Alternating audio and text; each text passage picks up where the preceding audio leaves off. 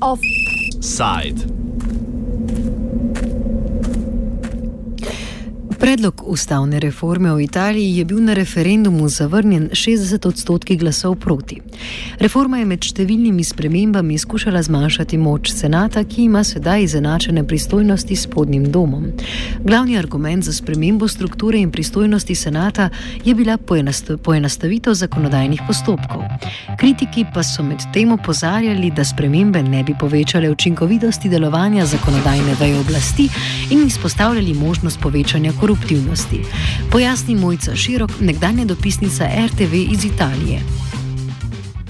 Ta oblika parlamenta je nastala na ruševinah fašistične diktature in z njo so ustavni očetje Italijanske republike želeli preprečiti, da bi se na oblast še kdaj povzpel močan človek, kot je bil Benito Mussolini. Skratka, nekdo, ki bi si lahko v svojih rokah nakopičil tolikšno moč, da bi dejansko ugrabil državo. Zato je bila italijanska, v bistvu italijanska ustava in politični sistem, ki iz nje izhaja, na ta način zapleten. Res je trdil, da ga poenostavlja, kritiki reforme pa, da dejansko samo spreminja to vlogo senata v nekaj, kar nima nobene prave vloge, hkrati pa tudi ne omogoča nobenega pravega prihranka. Senatorje bi bilo po novem res, da samo sto, ne bi jih volili na volitvah, ampak bi bili to predstavniki iz uh, lokalne oblasti, se pravi, prihajali bi iz vrst sodnikov, eh, pardon, iz vrst županov in pokrajinskih oziroma iz vrst državnih svetnikov. Kar pomeni, da bi hodili v Rim, v parlament, kot na, svojo, kot na upravljanje neke svoje popoldanske dejavnosti. Renci je trdi, da bo prihranek vsem omogočen, ker ne bodo za to prijemali nobenih dohodkov, ni pa recimo rekel, tukaj zdaj govorijo o teh zelo populističnih ne, elementih reforme, ampak nekatere se je vlada vse čas sklicevala. Ne, da dobili bodo samo neke dodatke, neke povračilo stroškov in tako naprej. Ne. Kritiki so pa trdili, da bo to samo še povečalo v tradicionalno korupciji nagnjeni Italiji, samo še povečalo stroške za delovanje te inštitucije, predvsem pa, da je dvomljiva vloga teh ljudi v senatu. Senat bi vendar tudi po reformi ohranil nekatere pomembne funkcije in uh, moč glasove v, v primeru glasovanj za, pomembne, za ta pomembna vprašanja bi dobili ljudje, ki na nacionalni ravni sploh niso bili izvoljeni, ampak so to neki župani, člani državnih svetov, ki senatorsko dejavnost upravljajo v svojem popoldanskem času.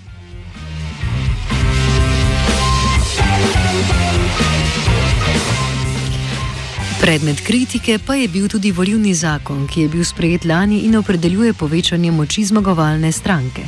Stranka, ki zmaga na volitvah, po trenutnem zakonu dobi 55 odstotkov sedežev v spodnjem domu. Če tudi so se pomisleki glede dotičnega zakona pojavljali že pred izidom referenduma, sta kampanji obeh strani ustavno reformo in volivni zakon povezovali. Zato bo zavrnitvijo ustavne reforme verjetno spremenjen tudi volivni zakon ta uh, volivni zakon zdaj seveda pade, ker bi ga bilo mogoče uporabiti samo v primeru, če bi bila reforma sprejeta. Ta volivni zakon je namreč predviden eh, za volitve, ki ne potekajo za senat. Ne?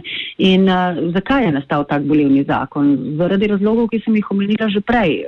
Renci si ga je pisal na kožo sebi in svoji demokratski stranki. Namreč nastajal je v času takoj po tej rušilni zmagi demokratske stranke na evropskih volitvah pred dobrima dvema letoma in napisali so ga dejansko za nekoga, ki dobi tako veliko podporo in potem v drugem krogu seveda pomete z vsemi nasprotniki in dobi neko tako eh, zares trdno večino, ki mu omogoča trdno vladanje v parlamentu. In Renc je pač takrat sklepal, da bo ta, ki bo v drugem krogu zmagal in dobil to nagrado, uh, on je oziroma njegova demokratska stranka. Sčasoma pa, pa se je pokazalo, da dejansko medtem, ko demokratska stranka izgublja podporo, ta morebitni nekdo, ki bi utegnil zmagati na volitvah s takim volilnim zakonom, zakonom ne bo demokratska stranka, pač pogibanje petih svestne.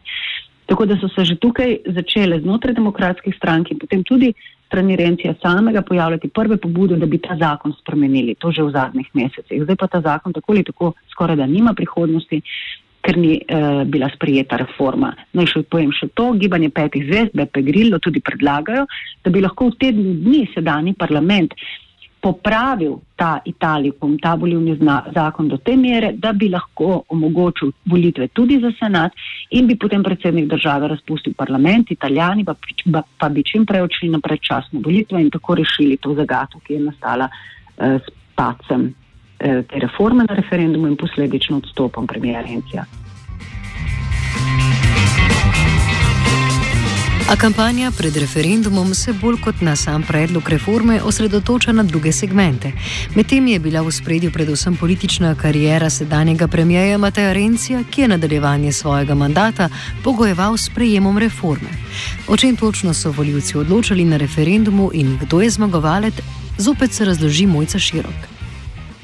Ja, čeprav je to bil uh, formalno referendum o ustavni reformi, to hkrati ni bil referendum o reformi, ki je velika večina italijanov sploh ne pozna oziroma jo slabo pozna, pozna njene podrobnosti. To je bil referendum o premijeju.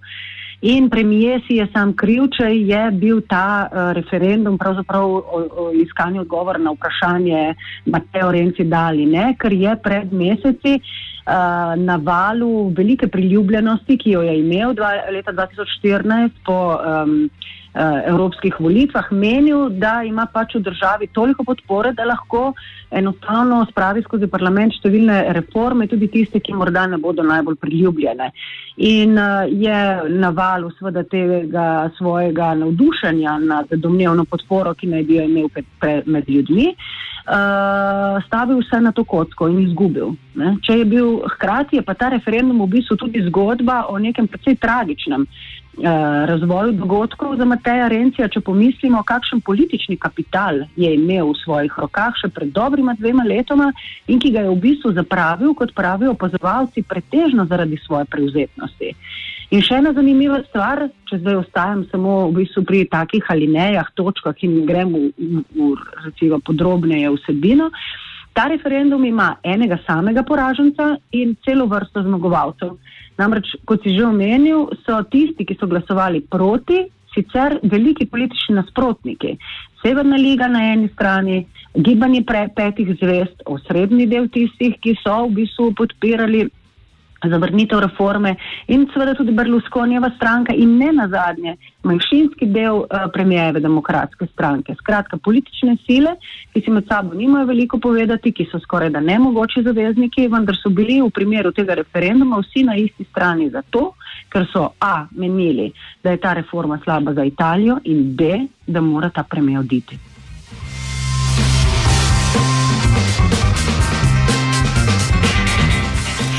Renci se je z nasprotovanjem soočal tudi v lastni stranki.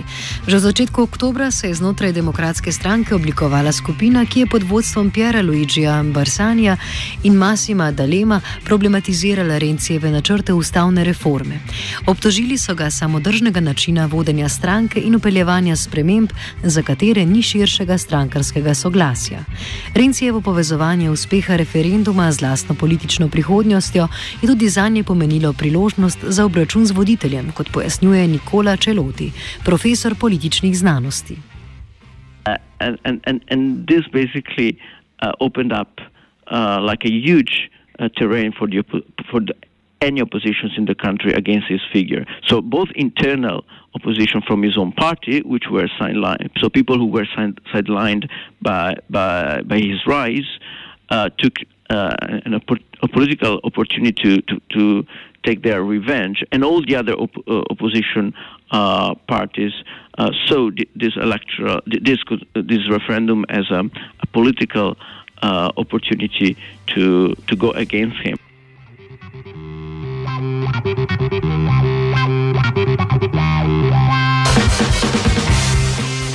Nasprotovanje Rencijevim reformam je istočasno prihajalo tudi strani drugih strankarskih voditeljev in političnih veljakov. Silvio Berlusconi je Rencijo odrekel podporo, prav tako bivši italijanski premijer Mario Monti. O zadnji njune odločitve pojasni Čeloti. On the Berlusconi side, it's purely uh, a, a, political, um, a political bet because, for instance, Berlusconi tried to uh, impose a a constitutional reform 10 years ago, which was which was much more radical than Renzi's. And but it, they were going to the, the, the two constitutional reforms were going to the same direction. So it's very it's very uh, awkward. It's very strange that Berlusconi is not supporting this one because it's a watered down version of his own. So he's doing it just for political convenience, just because he wants to have like a seat at the table to basically uh, run the next uh, one year and a half before the elections. So purely, uh, poli- purely Machiavellian or whatever political um, uh, motivation. In, in, the case of Monti, it's harder to say. I mean, we have to also be mm, honest. I mean, the reform was not, you know, technically perfect. There were a lot of holes here and there and I think that this might have played uh, a role in uh, in Monti's decision.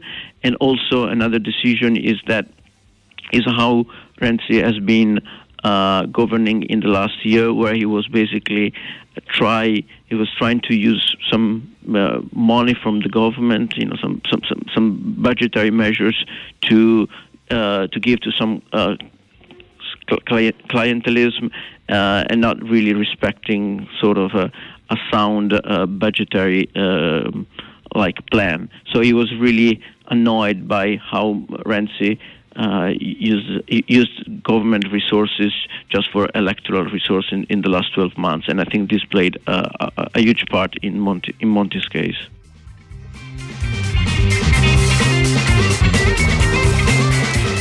Renzijev vzpon na oblast stranke je sicer spremljala velika podpora volivne baze. Zgodbo Rencijevega vzpona na oblast demokratske stranke in na to države pojasni širok. Renci je bil močan sekretar, dobil je veliko podpore, ko se je potegoval za mesto sekretarja. Na mesto predsednika vlade pa se je v bistvu povzpel s klasično strankarsko prevaro, s tako imenovanim partijskim pučem, notranje partijskim pučem iz starih časov. Spomnimo se, da je leta 2014 podnesel Enrika Leto in se v bistvu na položaj predsednika vlade povzpel mimo kakšnih volitev. In jaz mislim, da so mu tudi to voljivci zelo zamerili, da se je lotil korenitih sprememb, tudi reforme ustave, ki se je italijani skoraj da niso dotikali od leta 1946, ne da bi zato imel mandat voljivcev. Ne? In uh, predvsem pa je vse to delal na valu te velike popularnosti, ki jo je imel na začetku. Spomnimo, zadnje italijanske parlamentarne volitve leta 2013 so se končale z zelo negotovim izidom za klasične tradicionalne politične stranke, namreč gibanje petih zvest je takrat prejelo skoraj da tretjino glasov in bilo za las druga najmočnejša sila za demokratsko stranko. Naprej Italija sila Berlusconi je krepko zaostajal in demokratska stranka ni mogla sestaviti vlade dokler ni sklenila tega nekega nenapisanega dogovora s, s naprej Italija, Silvom Berlusconijem in potem, da bi obvarovala na nek način prodor gibanja petih zvest, tega gibanja proti establishmentu, njegov uspon na oblast se je povezala z Berlusconijem in postavila Enrika Leto na premijski položaj. In takrat so na nek način rešili to situacijo in ohranili status quo starih političnih strank. Renci je prevzel to dediščino in naenkrat pozabil, da v bistvu sam osebno tega mandata nima. Ljudje pa so takrat v bistvu podpirali demokratsko stranko, ker so okusili to, kar sem prej omenjala. Kakšna politična negotovost lahko nastane, če nobena in to treh večjih strank, kot se je zgodilo 2013, ne, ne dobi večine, da bi lahko sestavila vlado. Zato so si takrat nekako oddahnili in v Renciju ne, zares na nek način Renciju verjeli, da je res tisto, za kar se je izdajal. To pravi nekdo, ki bo združeval, ki bo povezoval, predvsem pa nekdo, ki je mlad, poln idej, poln zagona in poln projektov, s katerimi bo Italijo potegnil iz težav, v katerih se je znašla, predvsem gospodarskih. In kaj se je zgodilo? Nič od tega, kar je napovedoval. On je še junija 2014 na evropskih volitvah dobil rušilno večino. Eh, demokratska stranka je takrat pobrala okrog 40 odstotkov glasov in njemu se je takrat po domače povedano skoraj mal zavrtela v glavi. Ne. Jaz sem bila takrat še v Rimu in sem pač dejavno spremljala kot dopisnica italijansko politično življenje. Takrat je Renci na nek način obrnil ploščo in začel sprejemati reforme tako rekoč brez političnega konsenza. Ne. Oblikoval nek koncept in če tudi je bilo znotraj recimo njegove koalicije med njegovimi zavezniki veliko kritičnih mnen, veliko nasprotovanja se za njim izmenil, ampak je nadaljeval po, tvoj, po tej svoji začrtani poti. Na nek način so ga imenovali velikega arogantneža ne. in uh, s tem se je v bistvu skopal svoj grob.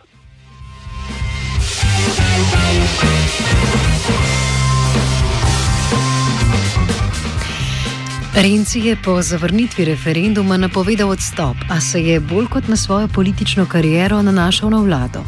Da izid referenduma ni v celoti zapečatil usode Rencija, pojasni James Neville z Univerze v Salfordu.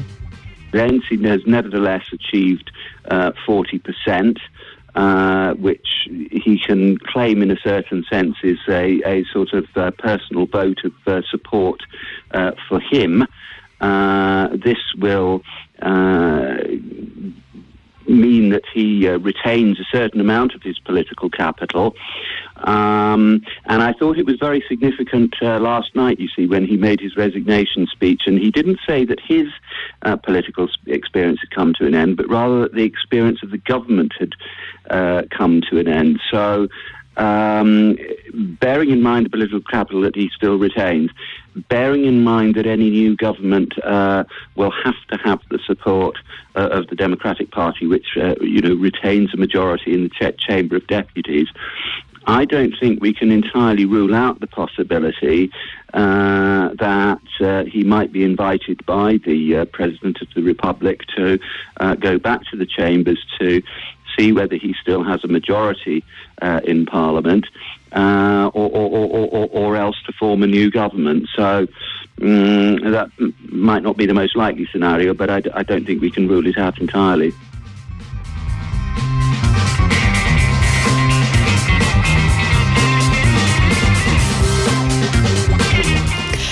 Ne glede na izid referenduma, pa v Italiji ostaja močno prisotna tendenca personificiranja politike, ki jo pooseblja tako zgodba Rencijevega vzpona, kot sam predlog reforme. S komentarjem o personifikaciji politike današnji offside zaključi Newell. The uh, personalisation of politics has, has become very significant, and uh, it's largely due to the mediatisation of politics, the fact that political parties uh, these days are much more reliant on the media in order to um, communicate their political messages, and of course, the uh, media um, places a considerable emphasis in its coverage uh, on uh, personal on personal matters and uh, the uh, characteristics of individual politicians far more than they do on policies and um, other political matters that uh, are far more difficult uh, for, for, for, people to understand. And so parties have had to uh, ad- adapt themselves to that. Uh, and um, uh, yes, the uh, very significant powers that were given to the Prime Minister by the law can only have accentuated that tendency.